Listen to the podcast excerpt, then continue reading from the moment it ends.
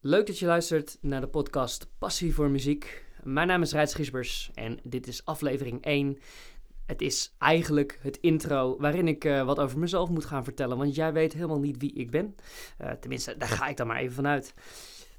Mijn naam is Rijts Giesbers, zoals ik al zei. Ik ben singer-songwriter, muziekdocent en ik heb een passie voor muziek. Ik hou van muziek, ik maak mijn hele, hele leven al muziek. Loop ik de trap op, dan doe ik dat op ritme. Ja, en ik heb de hele dag muziek in mijn hoofd. Nou, noem het maar op. Ik denk dat heel veel mensen dit ook wel herkennen. En deze podcast is voor jullie. Het is uh, niet zozeer alleen voor de muzikant. Het is niet zozeer alleen voor de producent of artiest. Het is ook voor de luisteraar van muziek. Ik zal in deze podcast uh, ja, eigenlijk interviews hebben van uh, korte duur, maar ook van lange duur.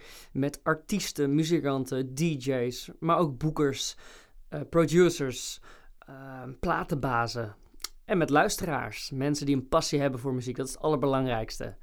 Uh, ik ben benieuwd naar hun favoriete tracks. Uh, wat zijn hun drijfveren? Wat zijn hun inspiratiebronnen? Uh, wat betekent muziek voor hen? Hoe belangrijk is muziek? Op welke momenten is het belangrijk? Alles over muziek. En uh, ja, dat is ook waar ik echt voor sta. Ik zal me nog even één keer voorstellen, zodat jij weet met wie je te maken hebt. Uh, Rijts is mijn voornaam, Giesbers is mijn achternaam. Wordt wel eens door elkaar gehaald, maar dan weet jij het in ieder geval wel. Ik ben woonachtig in uh, Apeldoorn, ik ben 32 jaar. Ik denk als jij hem luistert, deze podcast, dan ben ik alweer 33. Um, dat terzijde, uh, ja, muziek is voor mij heel belangrijk. Uh, ik ben ook muziekdocent. Um, dat doe ik in Apeldoorn. Maar wij, inmiddels gaan we landelijk met de Beat Academy. Dat is mijn muziekschool die ik heb opgericht. Uh, omdat ik geloof dat muziek voor iedereen is. En dat het heel belangrijk kan zijn voor de ontwikkeling.